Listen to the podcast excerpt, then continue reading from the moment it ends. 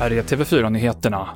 USAs president Donald Trump har utropat ett nödläge i Kalifornien där det pågår skogsbränder som beskrivs som de näst värsta i delstatens historia. Det här innebär att det blir lättare att skicka federal hjälp i brandbekämpningen. Solovårandet ökar i Sverige. Bedrägerna genom social manipulation, som det här också kallas, ökade med 2000 fall första halvåret jämfört med samma period i fjol, det rapporterar SR.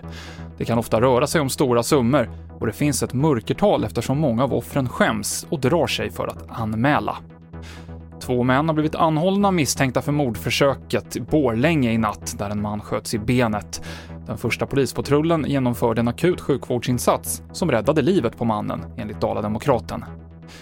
Och en 24-årig dansk har tvingats böta 2 500 danska kronor, vilket är knappt 3 500 svenska, efter att han vägrat ta på sig munskydd på järnvägsstationen i Odense. Han blir därmed den första att straffas för brott mot kravet på att bära munskydd i kollektivtrafiken, som trädde i kraft igår i Danmark.